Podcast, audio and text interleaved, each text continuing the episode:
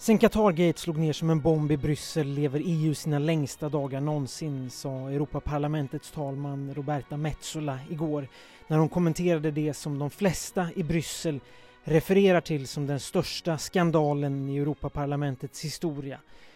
När vi vill förstå EU och det som händer där, då beger vi oss till Il Foglio och deras Brysselkorre David Caretta. Och vi måste nästan börja med att sammanfatta vad det är som har hänt sen i fredags när mutskandalen Qatargate inleddes. Och det började med flera gripanden kopplade till parlamentet. Och den största fisken som greps var den grekiska parlamentsledamoten Eva Kaili, en av parlamentets 14 vice talmän. Hemma hos henne hittades dessutom väskor med kontanter. Lite oklart hur mycket, men en del källor till Il Folio gör gällande att det handlar om uppemot en miljon euro. Enligt andra handlar det om runt 100 000. I vilket fall som helst en satans massa cash. Greps gjorde även Kailis pappa som försökte fly med en väska full med kontanter. Och sedan dess har dessutom flera andra personer avgått från sina poster. Teorin är att alla de här kontanterna, absolut minst 6 miljoner kronor, kommer från Qatar och Marocko och är muter för att de här personerna som nu sitter gripna ska påverka beslut i en riktning som gynnar Qatar och Marocko. Den här veckan skulle till exempel parlamentet ha röstat om visumfrihet för Qatarier till EU, något som nu har skjutits på framtiden. Eva Kaili, den grekiska parlamentsledamoten som sitter gripen, hyllade till exempel nyligen Qatar som ett föregångsland när det gäller arbetsrätten Spanska La Vanguardia har en bild på ett möte som hon genomförde med Qatars arbetsminister den 31 oktober och Corriere della Sera kallar henne emirernas musa. Men, så vad handlar det här om då? Jo, David Caretta på Il Folio beskriver det bra. Olaglig lobbyverksamhet, det är ett bra ord för att beskriva det. Och lobbying, alltså att försöka påverka någons beslut i en riktning som gynnar mig, är inte olagligt inom EU, skriver Caretta om man accepterar kontrakt och inte kontanter. Lobbying inom EU, skriver Caretta, är inte bara lagligt utan en viktig del av EUs beslutsfattande. När EU-kommissionen ska ta fram ett nytt lagförslag, till exempel, så gör man en så kallad publik konsultation som lobbyorganisationer svarar på. Och när det här förslaget sen går till parlamentet och ministerrådet för beslut så förflyttar de här lobbyisterna sig och börjar att sätta press på ledamöter och nationella regeringar. På många sätt, skriver Caretta, är lobbyn inom EU mer demokratisk än på nationell nivå. I Sverige till exempel kan Volvo Cars VD bara lyfta på luren och ringa den minister som han vill få tag på. I EU är det större sannolikhet att någon liten NGO blir lyssnad på. EU har en av de mest avancerade lagstiftningarna när det gäller lobbyism. Förra året var 13 366 personer eller organisationer registrerade som lobbyister och inom EU-kommissionen måste varje möte med någon av de 13 366 enheterna som vi kan kalla dem registreras. När det gäller parlamentet är det här valfritt. Den här prologen blev lång den här gången, mycket för att det här är den kanske största frågan i våra tidningar idag, men också för att jag tycker det är väldigt intressant. Och såklart, det är konditionalis som gäller här, alltså de tilltalade är givetvis oskyldiga tills motsatsen är bevisad. Och sen är det såklart lite beklämmande när Roberta Metsola från Malta säger att EU inte är till salu. Det gjorde hon igår. Jag tänker såklart på Maltas system med gyllene pass. Alltså Malta säljer ju medborgarskap till människor från tredje land. Det här har främst handlat om ryssar och kineser som enkelt vill få tillgång till EUs fria rörlighet. För en miljon euro kan man köpa sig ett maltesiskt pass, något som EU upprepade gånger har bett Malta sluta med och där en rättsprocess nu faktiskt pågår. 1,1 miljard euro har landet dragit in sedan det här systemet öppnades för snart tio år sedan. Nåväl, det var en parentes från min sida. Qatar Gate kommer att fortsätta att ockupera våra tidningars första sidor skulle jag tro. Och jag, jag håller er uppdaterade. Men nu drar vi igång. Det här är Tidningskrönikan. come le zingare del deserto con candelabri in testa o come le balinesi nei giorni di festa det är tisdagen den 13 december och från en lägenhet i Rom säger jag, Filip Jakobsson, god morgon. Idag kommer domen i terrordådet på nationaldagen den 14 juli i Nice 2016 när 86 personer dödades och över 400 skadades av lastbilen som kördes av 31-årige Mohamed Lawey Bolel. Åtta personer har åtalats för sin inblandning i dådet och det här dominerar såklart de franska tidningarna idag.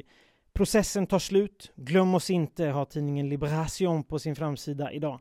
Tidningen har pratat med tre av rättegångens 2500 målsägande om deras upplevelser av den tre månader långa rättegången. Och det är några fina vittnesmål om den fruktansvärda dagen, rädslan för att alltihop ska falla i glömska och det märkliga i att rättegången hölls i Paris, 100 mil bort från de flesta av de målsägandes hem. Åklagarna har yrkat på 15 års fängelse som mest. Vi återkommer till det här imorgon. Apropå terrorism så höjer Spanien sin varning för terrorattacker från och med den 19 december till den 15 januari. Risken bedöms nu som hög.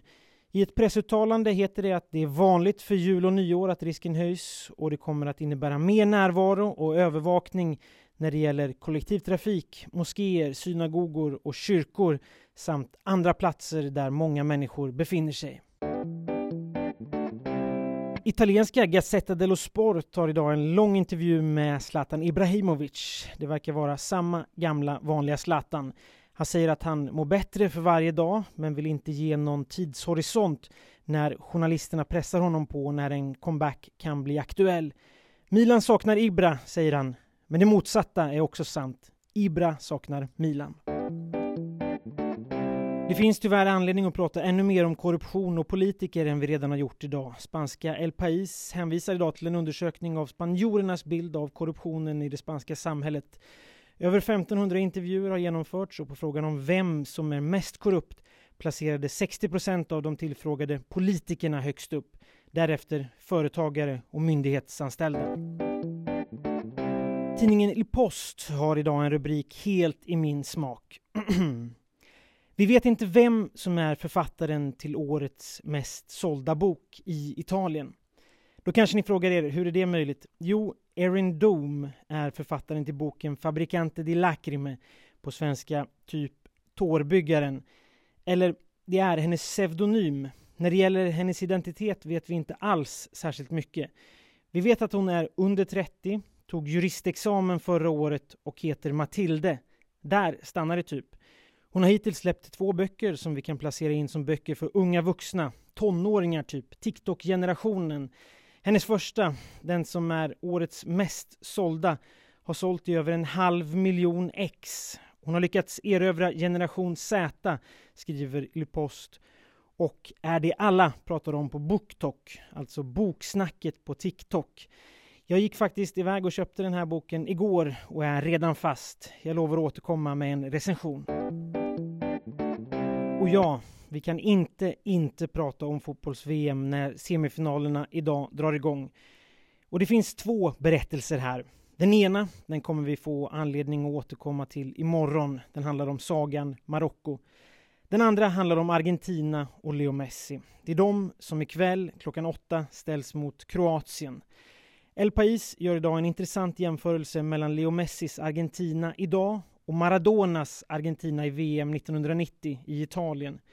Ibland kan det vara svårt att komma ihåg vem det var som vann då. Tyskland såklart. Alltid Tyskland. Men i alla fall, likheterna är slående. Precis som Messi nu var Maradona lagkapten för ett lag som förlorade i premiären. Argentina 1990 förlorade med 0-1 mot Kamerun. Som bekant förlorade Argentina 2022 mot Saudiarabien i premiären med 1-2. Precis som Messi nu var Maradona lagkapten för ett lag som fick kämpa för att gå vidare från gruppen, hade stora problem i åttondelen och vann på straffar i kvarten. Argentina 1990 mot Jugoslavien och Argentina 2022 mot Holland.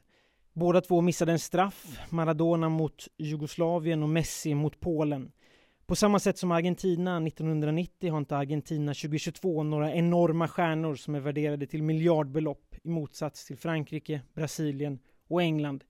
Det här är ett lag som kämpar och slåss för att försvara Messi och en förmåga att överleva den rad av dramer som hittills staplats på varandra. Inte ens Australien gav Argentina en lugn kväll. Och det kommer definitivt inte Luka Modric eller Kroatien att göra ikväll.